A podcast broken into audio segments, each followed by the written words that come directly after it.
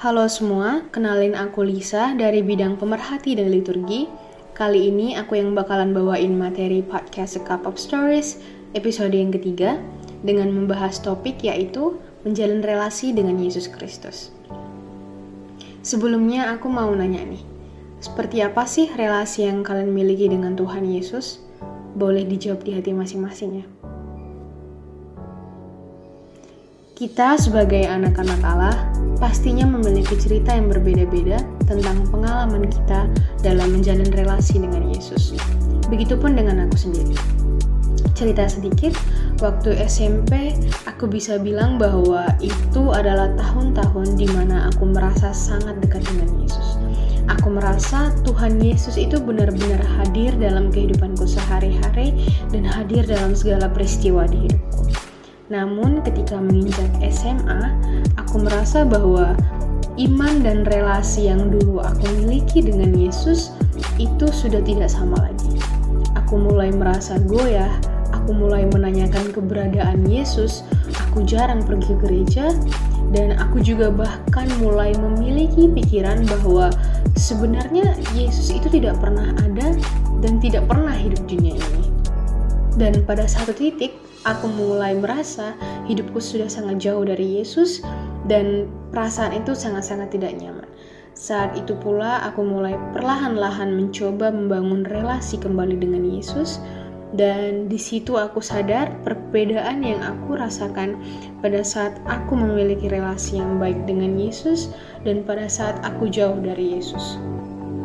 Ketika relasi yang terjalin baik antara aku dan Yesus, hidup itu terasa lebih happy, terasa lebih bahagia. Aku pun merasa lebih kuat karena aku percaya bahwa Yesus selalu ada bersamaku dalam keadaan apa pun. Dan aku merasa imanku sangat membantuku dalam menghadapi segala rintangan yang ada. Namun ceritanya berbeda. Pada saat relasiku mulai jauh dari Yesus. Aku masih ingat bahwa pada waktu itu aku hidup dalam banyak kekhawatiran, aku merasa sendiri walaupun sebenarnya aku punya teman-teman yang selalu ada. Aku bahkan merasa dalam tanda kutip jorok dengan diriku sendiri karena mulai tidak mempercayai Yesus. Injil Yohanes bab 15 ayat 5 menyatakan bahwa Akulah pokok anggur dan kamulah rating-ratingnya. Barang siapa tinggal di dalam aku dan aku di dalam dia, ia berbuah banyak. Sebab di luar aku, kamu tidak dapat berbuat apa-apa. Ayat ini menunjukkan bagaimana Tuhan Yesus menggambarkan relasi antara dirinya dengan murid-muridnya, yaitu hubungan antara pokok anggur dan rating-rating. Rating tidak akan bisa hidup dan menghasilkan buah bila tidak menempel pada pokoknya. Demikian pula para murid harus terus membangun relasi dengan Yesus Kristus agar bisa berbuah. Hal ini juga berlaku bagi kita semua umat Katolik yang percaya padanya. Bila kita memiliki relasi yang sehat dengan Kristus, kita akan mengenal kehendaknya dan kita akan bisa menuturkan doa yang sesuai dengan kehendaknya. Doa yang sesuai dengan kehendak Allah adalah doa yang berkenan kepada Allah, sehingga doa akan dikabulkan oleh Allah. Sebaliknya, bila kita tidak bersedia menyediakan waktu untuk menjalin relasi dengan Kristus, bagaimana kita bisa memahami kehendak Allah? Dan bagaimana bisa kita memiliki keinginan yang sesuai dengan kehendaknya? Injil Yohanes bab 15 ayat 7 Jikalau kamu tinggal di dalam aku dan firmanku tinggal di dalam kamu, mintalah apa saja yang kamu kehendak dan kamu akan menerimanya.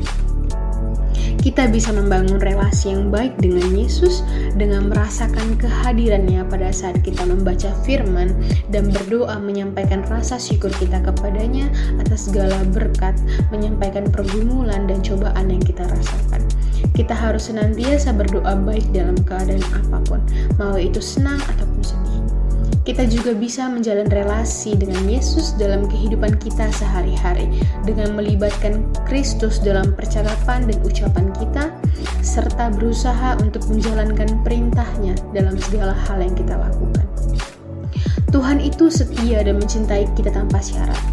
Dia tidak akan meninggalkan kita dalam kegagalan kita, Oleh karena itu, kita tidak perlu merasa malu atau takut untuk mendekati Tuhan pada saat kita mengalami kekeringan rohani dan merasa gagal. Dan relasi yang dijalin dengan Yesus adalah hubungan yang melibatkan komunikasi dua arah.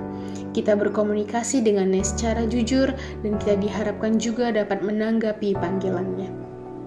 Semoga dengan semakin dewasanya kita, semakin kuat pula iman dan relasi yang kita miliki dengan Tuhan Yesus. Mungkin terkadang banyak rintangan yang membuat kita menjauh darinya, tapi mari kita kembali dan tetap berada di jalan Yesus Kristus. Dia memberi kita hidup. Dia menjadi manusia, menderita, mati, dan bangkit pada hari ketiga agar kita dapat memiliki kehidupan baru, kehidupan di dalam dan dengan Allah, sekarang dan untuk selamanya. Sekian dari podcast episode ketiga ini. Terima kasih untuk semua yang mendengarkan sampai akhir. Sampai jumpa di episode berikutnya.